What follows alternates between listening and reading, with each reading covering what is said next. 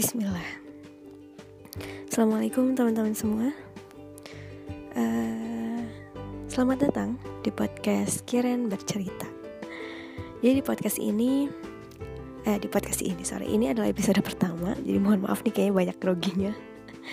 ini adalah podcast pertama, um, episode pertama dari podcast Kiren bercerita. Nah di podcast ini tuh, insya Allah kalian akan bikin uh, banyak ke sharing, banyak ke bercerita karena namanya podcast kalian bercerita. Jadi akan banyak ke bercerita aja, kontennya nggak akan terlalu berat, insya Allah hmm, ringan-ringan aja, kayak misalnya tentang apa yang sedang ramai saat ini, misalnya gitu ya. Apa yang ramai saat ini? Uh, tentang politik bisa jadi, tentang kehidupan bisa jadi, tentang sesuatu yang berkembang di uh, masyarakat saat ini di remaja khususnya bisa jadi gitu kontennya akan kita bikin ringan aja. Nah kayaknya kalau di podcast pertama oh iya belum kenalan belum kenalan. Nah perkenalkan nama saya Kiren. Uh, perempuan usia 23 tahun. Gitu. Jadi ya memang bahasannya akan ya ke situ bahasan-bahasan remaja. Usia umur 23 tahun kita bahasnya apa sih gitu ya. Nah mudah-mudahan di podcast ini bakal ada manfaatnya ya buat teman-teman semua. Kalau ada manfaatnya kan bersyukur banget itu karena balik lagi ya kalau sharing itu kan sebenarnya mentransfer apa yang ada di pikiran aja ya. Kalau teman-teman dapat manfaat dari dapat hikmah dari apa yang kalian ceritain alhamdulillah bersyukur banget kirain tapi kalau misalnya nggak ada juga tetap dengerin ya. Anggap aja sebagai pengantar tidur gitu. Oke okay, segitu aja kayaknya perkenalannya ya. Nah di podcast pertama ini kalian akan biasa apa ya enaknya Nah setelah aku, setelah saya mensortir nih ya bahasan-bahasan yang menarik di, untuk podcast pertama, kayaknya kalian ingin bahas uh, episode pertama ini tentang apa coba? Tentang yang uh, paling banyak orang-orang uh, apa ya? Banyak dari kita tuh mendambakan hal ini. Wih, apa tuh? Kesuksesan tentang sukses. Keren ingin bahas tentang sukses.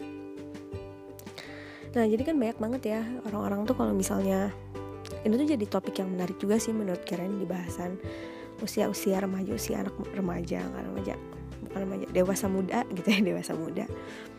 Orang-orang yang baru beranjak dewasa tuh dia tuh lagi punya ambis gitu lagi punya keinginan untuk menggapai kesuksesan.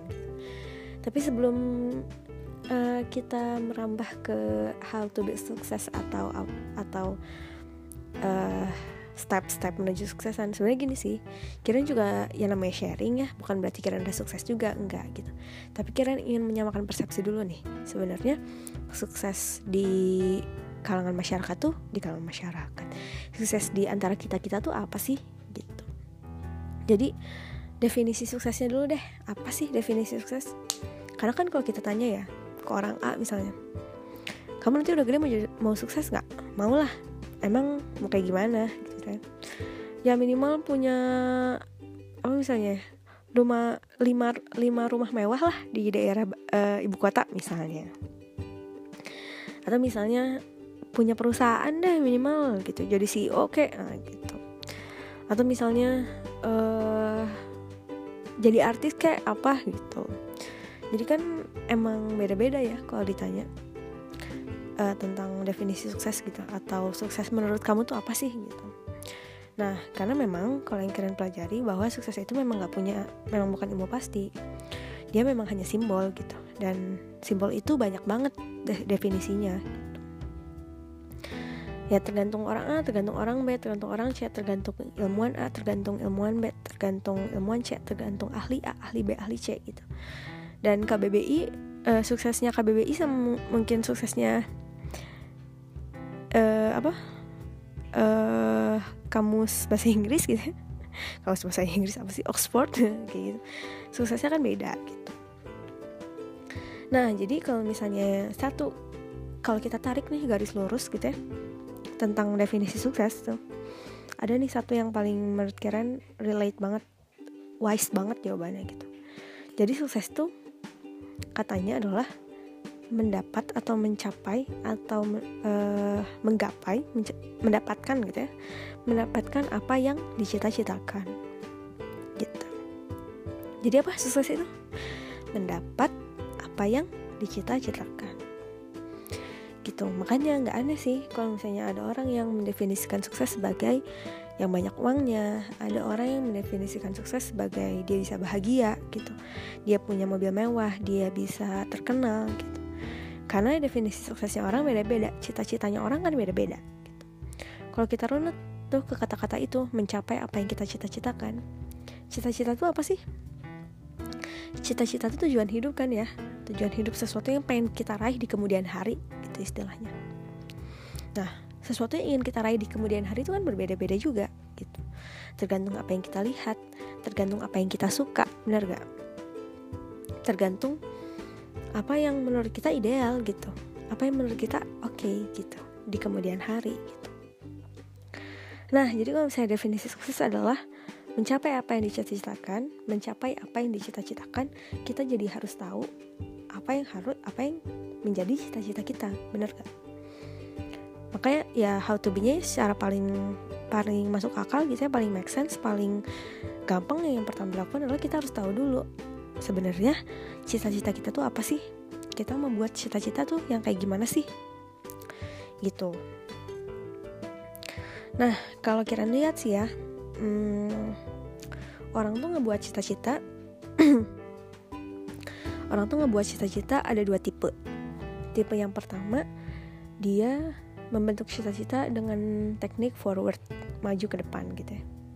Kayak gimana tuh? Jadi uh, dia tuh membuat cita-cita membuat cita-cita yang spesifik dari cita-cita yang general gitu. Jadi dia punya sesuatu yang general dulu. Misalnya kalau misalnya kita belum ilmu kita belum belum apa ya belum seluas itu gitu misalnya kita cuma pengen misalnya nanti tuh uh, nanti tuh gitu. Saya tuh hanya ingin misalnya membantu orang banyak. Misalnya kayak gitu dulu. Terus dia ngerucutin tuh. Dari situ dia ngerucutin ngerucutin ngerucutin. Dia bikin poin-poin kenapa dia pengen kayak gini kenapa dia pengen kayak gitu gimana caranya metodenya dan sebagainya. Sampai akhirnya berkerucut tuh. Si apa yang pengen dia capai itu menjadi sebuah profesi atau sebuah cita-cita gitu. Apa yang dia ingin capai dalam bentuk uh, sebuah profesi gitu sebuah pekerjaan gitu loh. Sebuah pekerjaan gitu. Nah tapi ada juga nih orang kedua yang dia membuat cita-cita itu tekniknya reverse atau mundur ke belakang. Jadi ada orang uh, kayaknya kebanyakan dari kita deh kayaknya. Jadi dia tuh dari kecil pasti selalu kita tuh selalu ditanyakan ya dari dari kecil kamu pengen jadi apa? Kamu cita-citanya apa? Kalau cita-cita uh, define by seorang anak kecil adalah uh, ya udah gitu. Apa yang biasanya dia lihat dan menurut dia bagus. Gitu aja sederhana kan ya? Kita ingin jadi pilot ingin jadi dokter ingin jadi arsitek gitu. Karena kecil waktu kecil kita ngelihat dan kita diperkenalkan dengan pekerjaan-pekerjaan itu atau profesi-profesi itu dengan ya udah gitu gitu. Keren ya kayak gitu gitu. Dari satu sisi aja misalnya. Nah jadi itu kan dari sesuatu yang spesifik ya. Dari sesuatu yang spesifik. Nah kemudian barulah ketika dia bertambahnya usia bertambahnya umur dia baru memurnikan apa yang dia cita-citakan. Jadi kan dia nggak mungkin ya misalnya dari kecil tuh dia pengen jadi seorang dokter tuh karena keren aja misalnya. Nah dia terus aja pakai alasan itu sampai dia gede gitu. Menurut kalian itu sesuatu yang nggak mungkin. Maksudnya itu bukan nggak mungkin sih maksudnya kamu terlalu sempit untuk itu gitu dan kan sesuai dengan pertambahan usia kita jadi justru harusnya semakin lebih wise ya lebih luas gitu ilmu kita.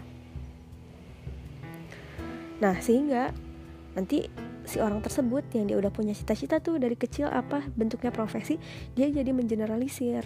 Dia jadi bikin kenapa sih sebenarnya kalau misalnya gue jadi dokter tuh bisa ngapain aja sih? Ngapain uh, bisa ngapain aja sih? Gimana caranya sih? Metodenya gimana sih? Gitu nah akhirnya dia akhirnya dari situ dia punya kalimat-kalimat beribu alasan kenapa sih dia akhirnya ingin uh, mengemban sebuah pekerjaan nanti tuh adalah itu gitu. Itu teknik yang reverse atau mundur ke belakang. Nah di antara kenapa sih kalian bahas doa ini gitu ya? Karena ya itu kalau misalnya teman-teman sekarang misalnya belum tahu nih apa yang teman-teman mau cita-citain. Hello masa sih gitu ya? Kira yakin lah yang udah dengar podcast ini usianya insya Allah udah belasan dah uh, 20 tahunan kan gitu. Nah sayang banget nih kalau teman-teman sampai usia segini belum tahu apa yang dicita-citakan mungkin sebagian udah ada yang tahu ya tapi ada juga yang belum yakin. Nah kalau belum yakin ya itu. Pilih di antara dua teknik itu dan yang pasti kamu harus mendeskripsikan kenapa sih kamu tuh ingin jadi itu gitu. Dan bikin seribu alasan. Seribu bikin seribu alasan kenapa kamu ingin nantinya kamu ingin melakukan hal itu gitu. Karena kenapa sih seribu alasan? Ya karena orang yang punya satu alasan aja gini deh uh, ya kebayang gak sih maksudnya? Ketika, ketika teman-teman nih misalnya mau berangkat dari Bandung ke Jakarta. Misalnya alasannya tuh cuma uh, apa ya misalnya? Alasannya mau beli cilok misalnya. Kok cilok ke Jakarta sih. Asalnya mau beli cilok gitu itu kan ke Jakarta ke Jakarta tuh kan sesuatu yang wah ya untuk alasan beli cilok bener gak sih? Ngapain juga beli cilok ke Jakarta bener nggak kayak gitu kan pikiran kita. Apalagi itu alasannya satu dan rentan dan lemah gitu. Sehingga akan kita punya persentase 99,9% kita nggak akan jadi ke Jakarta. Kalau kita hanya ingin beli cilok apalagi kalau misalnya kita jadi nih mau beli cilok ke Jakarta. Tapi misalnya ketika di tol eh bayar mahal ternyata nggak jadi deh. Nah jadi akan ada halang rintang ketika kita menuju suatu tujuan itu gitu. Dari dari apa? Dari dari uh, perandaian perandaian apa sih? Perumpamaan. Nah dari perumpamaan beli cilok itu bahwa kita tuh akan mencapai sesuatu yang besar loh gitu maka kita juga harus punya harus punya landasan kita harus punya alasan nah tapi ternyata oh ya tadi kita lagi bahas proses Nah, ternyata proses itu juga penting loh dalam mencapai sebuah kesuksesan. Kalau tadi kita buat dari awal ya, dari cita-cita, kita harus punya cita-cita dulu. Pertama, how to be suksesnya. Kita harus punya cita-cita. Nah, yang kedua, kita harus tahu prosesnya. Proses untuk mencapai apa yang kita cita-citakan. Kalau kamu ingin jadi dokter, kamu harus kayak gimana nih prosesnya? Kamu harus sekolah kedokteran, bener gak? Sederhananya sih kayak gitu. Kamu harus tahu proses-prosesnya dan ingat Allah tuh Tuhan tuh nggak pernah nggak pernah suka nggak pernah ridho dengan hasil yang baik tapi prosesnya buruk gitu itu juga sih yang mungkin kebanyakan yang uh, kebanyakan uh, apa ya luntur gitu nilai ini di kalangan anak muda sekarang gitu ya. Karena saking ambisnya gitu ya saking kayak gue tuh bisa ngelakuin ini atas kehendak gue gitu misalnya. Gue tuh bisa ngelakuin itu gue tuh bisa ngelakuin ngelakuin ini.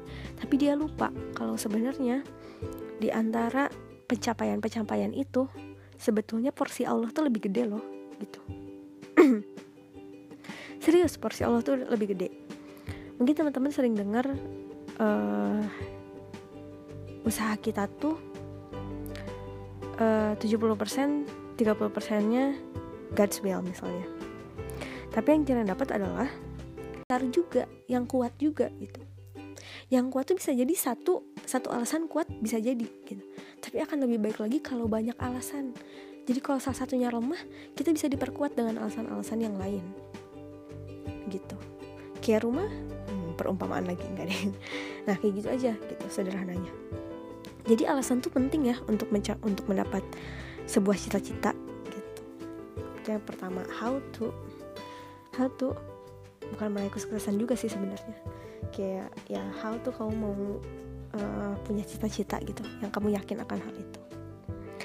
Gitu nah dari dua teknik um, membuat cita-cita forward dan reverse ini mungkin ada yang nanya juga yang paling baik yang mana sih kak? Gitu. Yang paling baik yang mana sih teh? Gitu. dan jawaban kalian adalah karena ini karena teknik pengambilan cita-cita ini dari survei pribadi. Jadi menurut Karen dua-duanya baik insya Allah gitu. Kenapa dua-duanya baik? Kenapa coba ya karena itu gitu. Ada orang yang dia dari awal dari kecil cita-citanya yang kayak gitu uh, dia udah punya profesi. Dari tadi ya dia ada seseorang yang dia bikin cita-cita dari teknik forward akhirnya sukses ada. Tapi ada nggak orang yang misalnya tekniknya reverse tapi dia akhirnya gedenya sukses? Ya ada juga gitu. Dua-duanya insya Allah udah terbukti gitu. Dua-duanya insya Allah akan mencapai kesuksesan. Karena apa coba? Karena sebetulnya cita-cita tuh bukan satu-satunya poin utama yang bisa membawa kita kesuksesan tapi ada poin lain. Apa coba? Proses menuju apa yang kita cita-citakan. Bener gak? Bisa jadi sebetulnya definisi sukses yang tadi kita sebutin bisa jadi salah loh sebenarnya. Kalau definisi suksesnya meraih apa yang mendapat apa yang dicita-citakan, tapi sebenarnya cita-cita kita bukan dokter.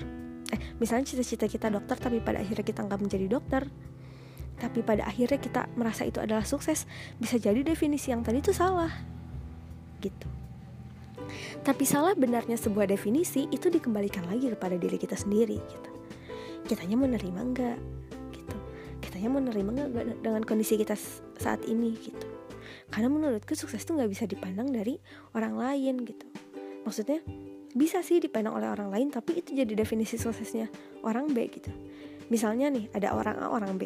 Orang A dia punya uh, apa punya punya uang banyak misalnya. Punya uang banyak. Terus orang B ngelihat si orang A dia bilang ih si A tuh udah jadi sukses loh gitu. Karena definisi suksesnya orang B adalah orang yang kaya gitu tapi kata orang A yang dia punya tuh segalanya dia punya kekayaan itu dia bilang bahwa aku belum jadi sukses gitu. Karena sukses aku adalah misalnya membahagiakan kedua orang tua aku misalnya. Kayak gitu. Nah gitu tuh. Jadi pandangan dari suksesnya juga kita harus lihat dari berbagai sisi. Jadi nggak ada nih yang paling baik dari reverse atau forward menurut Karen. Dua-duanya sama-sama aja tapi akan lebih baik lagi kalau teman-teman tahu nih prosesnya kayak gimana dari awal teman-teman bikin proses sampai akhirnya teman-teman punya cita-cita itu sendiri teman-teman harus sadar tuh akan ngebuat proses itu. Gitu. Hmm, justru kebalikannya. 30% tuh usaha kita tapi 70% itu adalah kehendaknya Allah. Kenapa sih dapat kayak gitu? Jadi ada di buku-buku lain deh teman-teman boleh cari kenapa? Soalnya sebenarnya yang lebih tahu tentang diri kita itu adalah Allah gitu. Karena siapa sih yang menciptakan kita? Allah benar gak Allah yang menciptakan kita. Maka sebenarnya yang lebih tahu tentang diri kita juga Allah gitu. Gak usah aneh gitu. 70% kehendak Allah tuh gak usah aneh gitu. Tapi jangan juga. Jadi misalnya karena 70% kehendak Allah kita usahanya jadi biasa-biasa aja. Ya, teman-teman juga harus tahu bahwa ada 30% loh gitu. Dan kita harus optimalkan yang 30% itu gitu. Kita nggak usah mengambil peran Allah. Yang misalnya kita jadi mikir kadang tuh orang-orang tuh suka overthinking di situ. Mengambil peran Allah tuh kayak gimana? Ya kayak mikir nanti aku bakalan kayak gimana ya? Nanti aku bakalan gimana ya? Nah itu tuh overthinking gitu. Ya udah kita optimalkan aja yang menjadi peran kita. Karena peran kita berusaha. Pun itu adalah 30% kalau kata buku uh, para pertolongan Allah gitu ya katanya tuh ikhtiar itu adalah usaha itu adalah bentuk rayuan kita kepada Allah. Gitu. Nah makanya tadi nih prosesnya harus murni dulu prosesnya harus benar dulu. Terus kita tarik lagi ke belakang ke titik awal bahwa sebenarnya dari awal tuh kita udah tahu kita harusnya udah bisa memurnikan proses itu. Caranya gimana? Dari awal kita harusnya udah berdoa. Karena kita udah tahu nih 70% nya adalah Allah will Allah Allah's will atau uh, apa kehendaknya Allah. Maka kita harusnya dari awal kita mau pembuatan cita-cita kita sudah melibatkan Allah gitu. Caranya gimana melibatkan Allah? Berdoa teman-teman. Berdoanya gimana? Ya berdoa aja. Ya Allah aku ingin membuat cita-cita. Udah bikin nih cita-citanya kayak gini. Ya Allah aku pengen nanti menjadi seperti ini. Cita-cita cita-cita aku pengen kayak gini. Gitu. Sehingga sehingga nanti di akhir kita tuh jadi nggak ragu insya Allah gitu. Kalau dari awal proses sampai akhir kita melibatkan Allah kita nggak akan pernah ragu. Gitu. Sebenarnya cita-cita yang kita raih selama ini tuh bener apa salah sih? Gitu sesuai apa enggak sih dengan yang Allah mau gitu. Karena kan ya tadi balik lagi ya kita kan hidup diciptakan oleh Allah. Maka yang tahu siapa diri kita kan sebetulnya Allah di samping kita sendiri. Ya enggak tapi yang lebih tahu kita adalah Allah. Maka bener nggak sih kehidupan kita sesuai dengan sih sesuai nggak sih dengan apa yang Allah mau? Gitu kan ya? Nah jadi kalau misalnya kita punya cita-cita sebagai uh, apa gitu arsitektur arsitek gitu misalnya tapi pada akhirnya di perjalanannya kita menghadapi banyak kesulitan atau misalnya di perjalanannya kita lulus lan uh, apa mulus lancar gitu ya. Kita kan mau dihadapin pada kondisi sulit atau pada kondisi bahagia kan kita selalu mempertanyakan ya tetap mempertanyakan ya. Ada teman saya yang nanya ketika dia dilancarkan dia nanya sebenarnya Allah tuh sayang gak ya sama aku? Kok kayaknya ini lancar banget? Alhamdulillah sih aku bersyukur banget katanya. Tapi kok ini lancar banget? gitu. Ada yang kayak gitu ada yang kedua kenapa ya kok mengalami kesulitan banget? Ini benar nggak sih apa yang Allah mau atas diri aku? Gitu ada dua kesempatan. Dan itu memang benar nggak salah gitu. Karena itu tuh adalah proses pemurnian diri kita. Kita benar nggak sih melibatkan Allah dalam segala dalam segala apa ya tingkah uh, bukan dalam segala keputusan-keputusan kita? Gitu. Kalau misalnya kita dari awal sudah melibatkan Allah gitu ya dalam setiap keputusan kita maka ketika akhirnya misalnya jadi atau tidak jadi A atau B gitu ya kita akan menerima gitu. Karena sudah ini adalah ini adalah apa? Ini adalah sesuatu yang sudah aku diskusikan dengan Allah. Maka kalau hasil akhirnya seperti ini ya sudah berarti ini adalah hal yang terbaik untuk diri aku. Gitu jadi nggak akan ada tuh orang-orang stres misalnya gitu ya. Kan banyak orang stres ya. Maksudnya uh, ketika apa realita tidak sesuai ekspektasi gitu ya. Atau misalnya kenyataan tidak jauh eh, jauh kenyataan jauh dari cita gitu misalnya.